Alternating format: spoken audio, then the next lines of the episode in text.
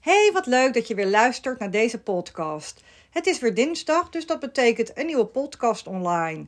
Mocht je er nooit één willen missen, volg mij dan op Spotify of op Apple Podcast. Het is vandaag eigenlijk een hele bijzondere dag, want het is namelijk dinsdag 14 maart en dat betekent dat ik jarig ben. Mocht je nieuwsgierig zijn, ik ben 48 jaar geworden. En het gekke is, dat klinkt echt veel ouder dan dat ik me voel in mijn hoofd. Ik dacht, ik doe vandaag eens een wat persoonlijke podcast op mijn verjaardag. En vorige week was het natuurlijk ook nog eens Internationale Vrouwendag, waar zeker op LinkedIn heel veel aandacht voor was. En in deze podcast ga ik in hoe ik het zelf heb ervaren om als vrouw carrière te maken. Er waren er bijvoorbeeld bepaalde standaarden die er destijds leefden, die ik heb moeten doorbreken. En hoe heb ik het ervaren om als vrouw in een mannenomgeving te werken? En heb ik ook zelf te maken gehad met vooroordelen of andere clichés? Nou ja, wat heb ik meegemaakt en wat heb ik ervan geleerd? En dat wil ik eigenlijk aan de hand van tien invalshoeken nou ja, nader toelichten. Overigens zie ik mijzelf niet als feministisch. Ik ben ook niet activistisch. Ik wil vooral vrouwen verder helpen om carrière en moederschap makkelijker te combineren, omdat er eigenlijk zo weinig nou ja, goede voorbeelden zijn. Want daarom wordt de combinatie ook nog wel eens als lastig ervaren. Niemand heeft je echt geleerd hoe je dat nou op een hele goede manier kunt combineren. Er zijn weinig rolmodellen. En ik zie mezelf dan ook echt als de eerste generatie in Nederland die dat eigenlijk voor het eerst heeft gecombineerd. Voordat ik hierop inga, wil ik nog even mijn masterclass onder de aandacht brengen.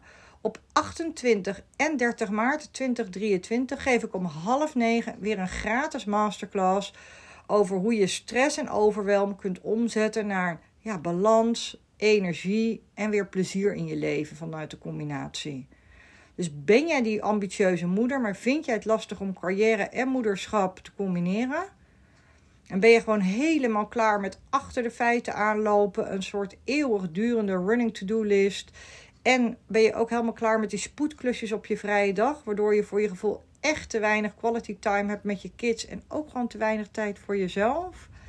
Nou, dan is deze masterclass perfect voor jou. In ruim een uur deel ik echt super veel waardevolle tips en technieken die je direct na de masterclass kunt inzetten. Zodat jij weer balans, zelfvertrouwen, plezier en energie gaat ervaren. Nou, wat kun je onder andere verwachten in de masterclass? Ik deel mijn succesformule, hoe je moederschap en carrière succesvol combineert. Aan de hand van zeven sleutels neem ik je mee in hoe jij ervoor kunt zorgen stress en overwelm achter je te laten. En ik geef je echt super praktische tips waarmee je direct aan de slag kunt. Nou, en na de masterclass kun jij de juiste prioriteiten stellen. Pak je weer de regie over je eigen leven. Je kom je gewoon weer voor jezelf op en weet je grenzen aan te geven zonder schuldgevoel. En krijg je ook je belangrijkste werk sneller dan ooit gedaan. En dan ervaar je gewoon ook weer meer energie en plezier.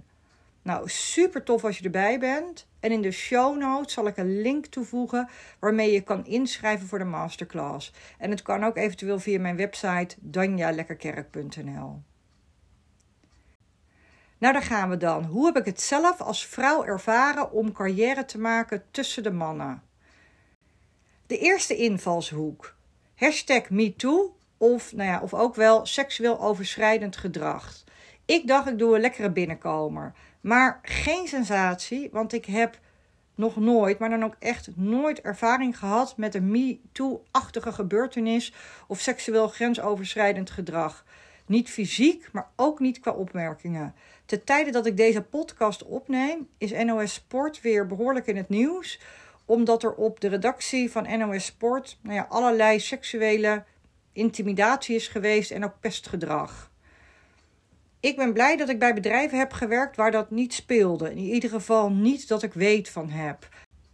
In de bedrijven waar ik voor heb gewerkt, ken ik wel incidenten waarbij er wat issues waren met hiërarchie, waardoor mensen zich geïntimideerd voelden. Overigens heb ik dat zelf ook nooit meegemaakt. En ik ben nu zelfs op een leeftijd gekomen dat nou ja, de bouwvakker ook niet meer naar me fluit. De tweede invalshoek, hoe ik het heb ervaren om als vrouw carrière te maken tussen de mannen. Heb ik wel eens een opmerking gekregen van mannen die ik niet zou hebben gekregen als ik een man was? Jazeker. Ik heb eigenlijk twee incidenten hier meegemaakt. En niet zozeer seksistisch, maar wel toch twee, nou ja, in mijn ogen toch nog best wel bizarre incidenten. Ik ga hier wat cryptisch mee om, omdat het in mijn podcast helemaal niet de bedoeling is om mensen zwart te maken. En ik hoef ook voor de rest helemaal niet heel diep in te gaan op de incidenten. Het gaat meer om de learnings. Jaren geleden, toen zat ik eigenlijk net in een MT-positie en toen moest ik ook nog best wel groeien in mijn rol. En toen heb ik het serieuze advies gekregen om mij mannelijker te gedragen. En ik was nog best wel een beetje onzeker over mijn kunnen en over mijn leiding geven. Dus ik heb dat, die opmerking van harte genomen en ik ben dat ook gewoon gaan doen. Ik dacht, zie je, ik moet me gewoon wat mannelijker gaan gedragen. Ik ben me toen ook wat mannelijker gaan kleden. Ik uh, was heel erg van de PowerPoint. Dus dacht ik, ja, zie je, ik moet ook Excels gebruiken om mijn verhaal over te brengen. Nou ja, allemaal dingen die helemaal niet bij mij pasten. En ik werd er ook best nog wel een beetje ongelukkig van. Dus uiteindelijk heb ik gewoon besloten, ik had twee dingen doen. Of ik kap gewoon met die functie, of ik ga het op mijn manier doen. En toen ben ik het op mijn manier gaan doen. Nou, toen ging ik echt als een speer. Toen ben ik enorm doorgegroeid binnen die organisatie. Dus was een foute opmerking van een, uh, van een man die ik zeker niet had gekregen als ik een man was geweest. En het tweede incident is wat recentelijker. Uh, waarbij er een incident is geweest tijdens een meeting. En ik kreeg opeens allerlei verwijten gemaakt. Die werkelijk waar nergens op sloegen. En alleen maar werden genoemd omdat ik een vrouw was. 100% zeker dat het niet was gebeurd als ik een man was. Overigens waren het geen seksistische opmerkingen. Maar op dat moment overkwam het me heel erg. En het huilen stond me echt nader dan het lachen. Omdat er echt nare opmerkingen werden gemaakt die gewoon nergens op sloegen. Maar wat heb ik hiervan geleerd? Dat ik heel rustig blijf in dit soort momenten. En dat ik niet in ga op de emotie. En dat ik eigenlijk, dus de, ik weet niet of je wel eens van Mel Robbins hebben gehoord. En zij heeft eigenlijk de, nou ja, de 5, 4, 3, 2, 1 rule. Dus echt even terugtellen. En dus als er iets gebeurt, dan moet je echt even die vijf tellen pakken en dan pas reageren. En dat heb ik toen ook gedaan. Ik dacht, oké, weet je, ik moet niet direct reageren. Dan ga ik de emotie in. Moest ook, om heel eerlijk te zeggen, even mijn tranen wegslikken. Dacht ik, 5, 4, 3, 2, 1. En uh, die verwijten die, wij werden, die mij werden gemaakt op een hele vervelende manier, kon ik allemaal feitelijk weerleggen. Doordat ik even die vijf seconden adempauze had genomen. Dus uiteindelijk voelde ik me echt oprecht de winnaar van dat incident.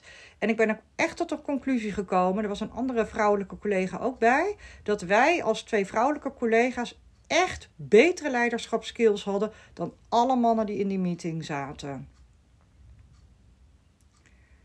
De derde invalshoek, hoe ik het heb ervaren om als enige vrouw in een meeting te zitten met allerlei mannen. Ik heb natuurlijk zeker de laatste paar jaren heel veel meetings gehad waar ik als enige vrouw uh, aanwezig was. En ik heb ook, moet ik toegeven, wel een aantal clichés ervaren. Als vrouw word je gewoon vaker in de reden gevallen. En dat is ook wel echt mijn ervaring. En het erge is dat in het begin was ik er niet zo alert op. En toen werd het eigenlijk vanuit de mannen ook nog best wel omgedraaid. Dus zeiden ze, dan je even stil. En in het begin vond ik dat heel vervelend. En toen dacht ik, ja, nou ja, oké, ik zal ze wel in de reden hebben gevallen. Maar toen ging ik me ook wat meer nog verdiepen in uh, nou ja, hoe het is om als vrouw te werken bij de mannen. En toen kwam dit ook aan het licht, zeg maar. Dat heel veel vrouwen ervaren dat zij dus in de reden worden gevallen tijdens een meeting. En toen ben ik daarop gaan letten. En toen dacht ik, ja, zie je, dat klopt. Ik word in de reden gevallen. En toen heb ik dit eigenlijk gewoon bespreekbaar gemaakt. En uh, toen werd het echt een stuk minder. Dus mocht jou dit ook gebeuren, bespreek het gewoon. Want ik denk dat de meeste mannen, die hebben vaak ook nog een hardere stem dan de, dan de vrouwen, het genees echt in de gaten hebben. Wat ik ook echt heb ervaren tijdens een meeting, en is ook best wel een cliché, is dat er echt vandoor wordt gegaan met je ideeën. dat, dat, heb ik ook echt wel ervaren. Dan had ik een idee, dan benoem je dat. En dan vinden ze het eigenlijk in eerste instantie helemaal niks. En uh, tromgeroffel, twee, drie weken later komen ze met dit fantastische idee. Uh, echt wat voor mijn gevoel exact hetzelfde idee was.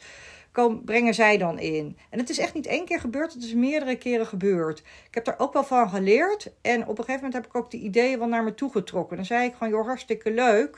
Ik ben het volledig met je eens, moeten we echt gaan doen. Maar by the way, ik heb dit al drie weken geleden een keer benoemd. Ik dacht, ja, weet je wel, het is wel goed. En heel eerlijk, tijdens een meeting zaten mijn eigen belemmerende gedachten mij ook nog wel eens in de weg. van, nou, zij zijn mannen, dus zij zullen het nog wel beter weten. Daar ben ik wel later helemaal op teruggekomen, maar er is echt een periode geweest dat ik dat echt dacht. En ergens heb je natuurlijk ook nog het fysieke verschil. Want als vrouw, nou ja, weet je, heb je toch die hakken aan. Je hebt die lippenstift op. Ik ben 1,70 meter en heb best een fijn postuur. Dus dan heb je ook gewoon nog nou, dat die mannen gewoon langer en groter zijn. En daarmee eigenlijk ook gelijk een stuk ja, dominanter zijn. Gewoon in hun fysieke gestel. Ik dacht, wil jullie nog wel een paar tips meegeven hoe je als vrouw beter kunt profileren tijdens een meeting met grotendeels mannen. Focus je niet te veel op details. Ik was daar nogal van, dan was mijn verhaal te lang en uh, er waren die mannen al lang, uh, nou ja, weet je, met het volgende punt bezig in hun hoofd. Dus ik heb er echt van geleerd, niet te veel op details. Leg dus ook niet zo heel veel uit en praat vrij snel richting de conclusie. En toon je ook niet te afhankelijk. Hè? Vraag je niet continu om commitment. Dat deed ik namelijk in het begin ook nog wel. Zo ging ik iedereen aankijken. Nou, daar ben ik ook helemaal van teruggekomen. Gewoon het veel stelliger uh, brengen en gewoon geen commitment vragen. Je hoort het wel als ze het er niet mee eens zijn. En laat dus niemand anders met je ideeën aan de haal gaan. En probeer dus ook evenveel te praten als die mannen. Die hebben natuurlijk ook allemaal een beetje last van boekito gedrag. Dus uh, laat je vooral niet ondersneeuwen. En ook een belangrijke, vul anderen niet aan, maar presenteer het echt als jouw idee. En mocht er iets negatiefs worden gezegd over jouw afdeling, verzet je er echt tegen. Hè? Kaart het aan. Nou ja, mocht iemand je dwars zitten in de meeting, negeer die gewoon. Echt een hele goede tactiek, vind ik altijd zelf. En zorg dat iedereen weet waarom jij ook aan tafel zit. En let gewoon op die gezichtsexpressie van al die mannen. De vierde invalshoek, hoe ik het als vrouw heb ervaren om carrière te maken tussen de mannen. Ik heb in mijn laatste functie alleen maar leiding gegeven aan mannen. En ja, hoe heb ik dat ervaren? Mijn antwoord is eigenlijk super kort en krachtig. Ik vond het echt bijzonder leuk. Er is niks vreemds aan, niks anders dan leiding geven aan vrouwen. En ze gaven me ook niet het gevoel dat ze me minder serieus namen of iets dergelijks. Dus alleen maar echt, ja, ik heb daar alleen maar echt superleuke ervaringen mee gehad. De volgende invalshoek, de vijfde, heb ik wel eens te maken gehad met vooroordelen. Ik heb zeker wel eens te maken gehad met vooroordelen. En ik heb er, maar ik heb er nooit heel erg mee gezeten. En ik vond het juist ook wel heel erg leuk om dit te doorbreken en bespreekbaar te maken. In mijn laatste functie bij Arval BNP Paribas was ik divisiedirecteur. Ik was directeur van de private lease. En wij zaten als aparte divisie in een uh, nou ja, apart subgebouw. En er ging op een gegeven moment de bel en ik deed open, want ik ja, liep toevallig langs. En er kwam iemand binnen met gebak. En ik kende die dame niet, ze werkte niet bij Orval. En uh, toen zei zij heel spontaan: Oh ja, hier, ik heb gebak voor jou meegenomen. Ik zeg: Oh, voor mij? Waarom? Ja, ik neem altijd voor alle secretaresses gebak mee. Nou, we hebben er echt, toen ik natuurlijk uitlegde wie ik was, we hebben er echt super hard om gelachen. En ik begrijp het ook wel, weet je. Dus ik vind het ook helemaal niet erg. Ik deed natuurlijk op dat moment die deur open, wat natuurlijk vaak een secretaresse is. Dus ik vond het ook helemaal niet erg dat het gebeurde. Maar goed, het zijn wel dingen die dus gebeuren. Maar in plaats dat ik dus in een soort slachtofferrol uh, terecht kwam, vond ik het juist en vind ik het nog steeds heel mooi om dit soort dingen gewoon bespreekbaar te maken. De zesde invalshoek, vrouwelijk leiderschap. Hoe heb ik dat ervaren? Als vrouwen hebben we gewoon een andere manier van leiding geven dan mannen. En als je gaat leiding vergeven, dan begin je eerst met een klein team natuurlijk, met wat meer starters. Ja, en dan heb je sowieso niet zo heel veel moeite met een vrouwelijk leiderschap, omdat je eigenlijk vooral ook ja, een soort meewerkend voorman bent. Maar goed, maak je natuurlijk de stap vervolgens naar het managementteam, dan word je gelijk ook een stuk zichtbaarder in de organisatie. En toen heb ik wel even een beetje geworsteld, dat moet ik wel eerlijk toegeven. De man is standaard. En toen dacht ik, ja, dan moet ik het misschien op hun uh, manier gaan doen. Wat ik net ook zei, hè. toen kreeg ik ook nog dat advies van, nou, je moet je wat mannelijker gedragen. Maar goed, daar werd ik niet blij van. En vervolgens ben ik echt mijn vrouwelijke manier van leiding geven.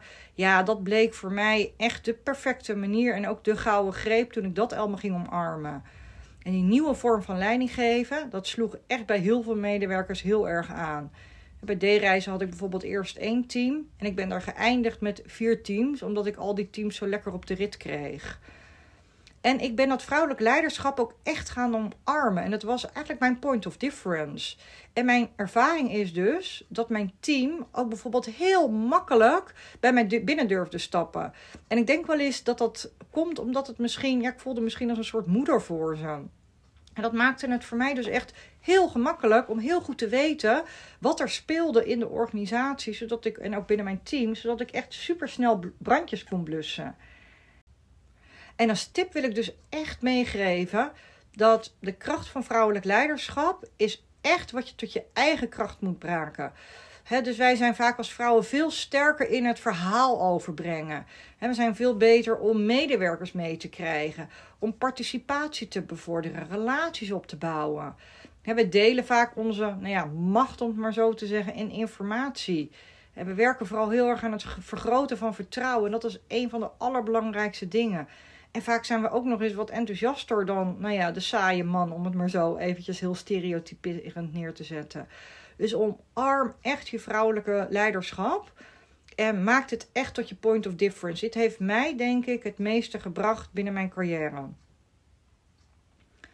De zevende invalshoek, dat is kleding. Want hoe kleed je nou als vrouw, en zeker in posities die tot voor kort alleen maar door mannen werden ingevuld?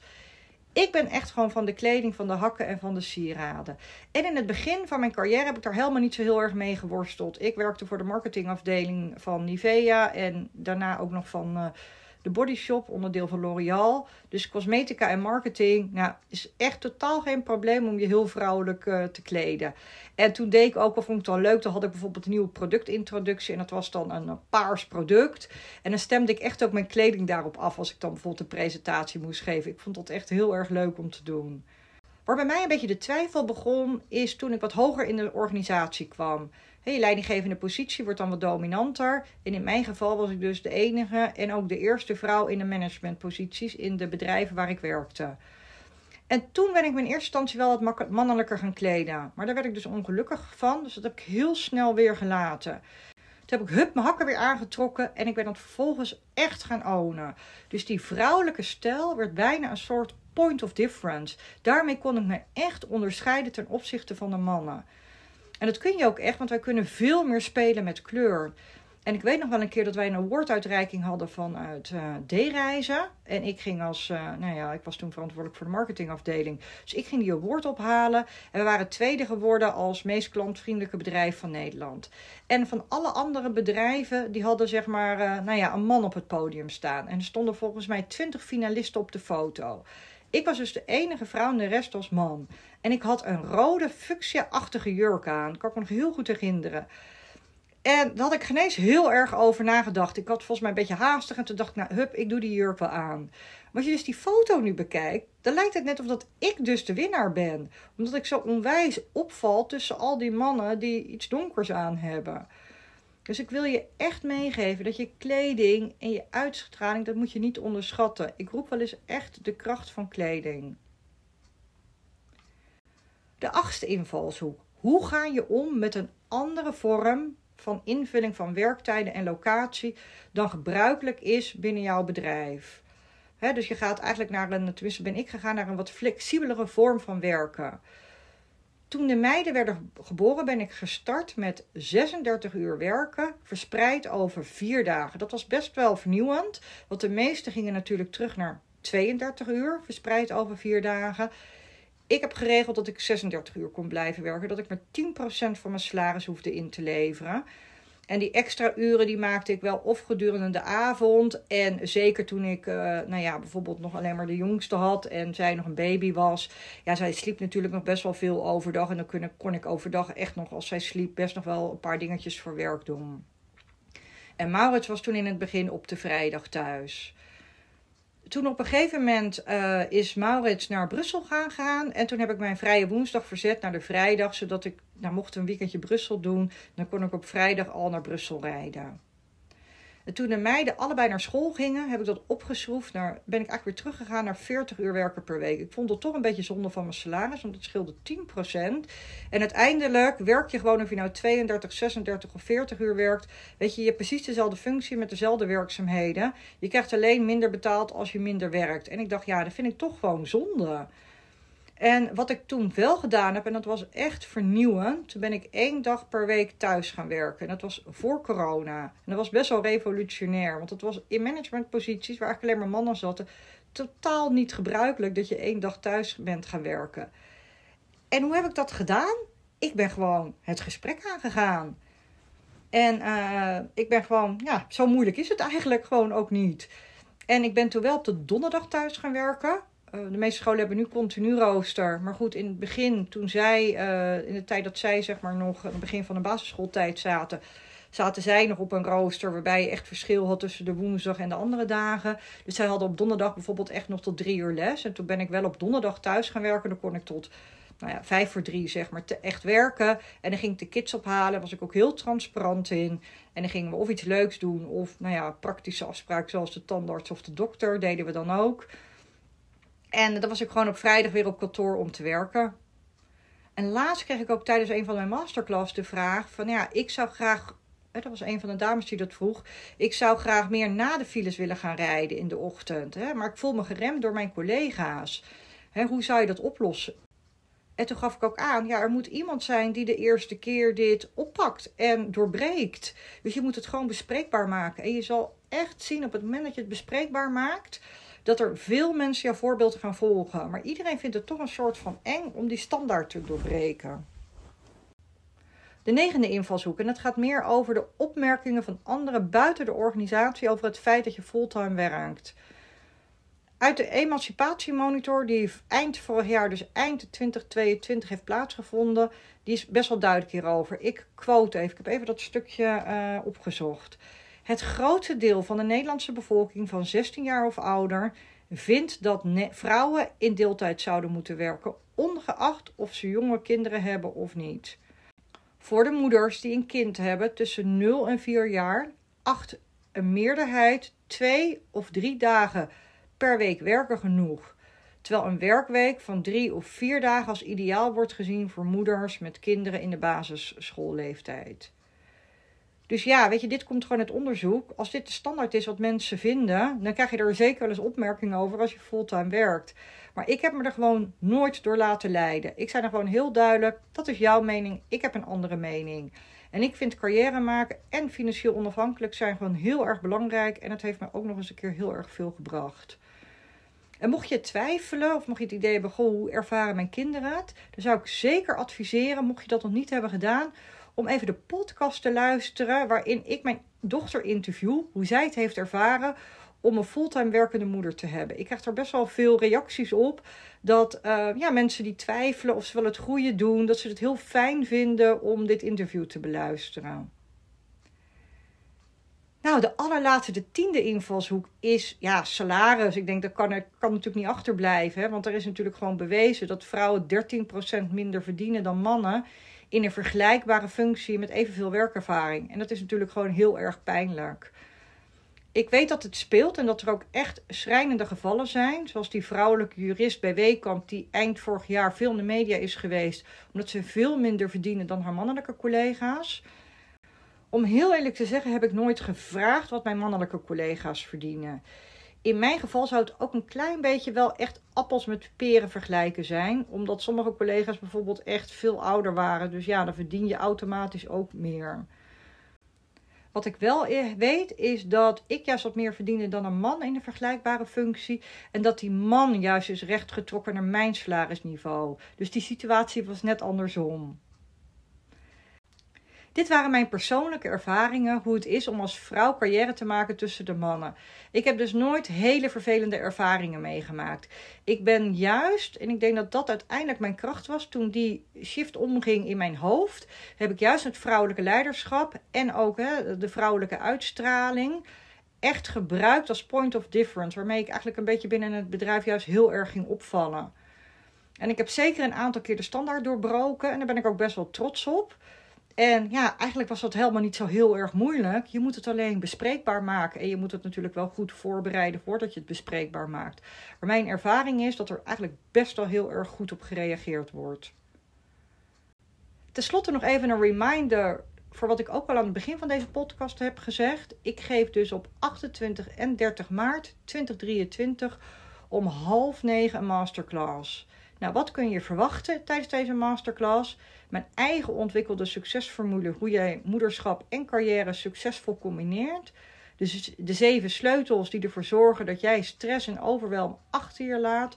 Ja, en ik geef super praktische tips waarmee je echt direct aan de slag kunt. De aanmeldlink staat in de show notes, maar het kan ook via mijn website danjalekkerkerk.nl. En mocht jij iemand kennen voor wie dit ook heel erg interessant zou zijn, super fijn als je haar hierop wil attenderen. Luister je dit na 30 maart 2023? Check dan sowieso ook even mijn website. Ik geef deze masterclass iedere maand wel een keer, want ik vind het vooral ook heel erg leuk om te doen. Tot volgende week.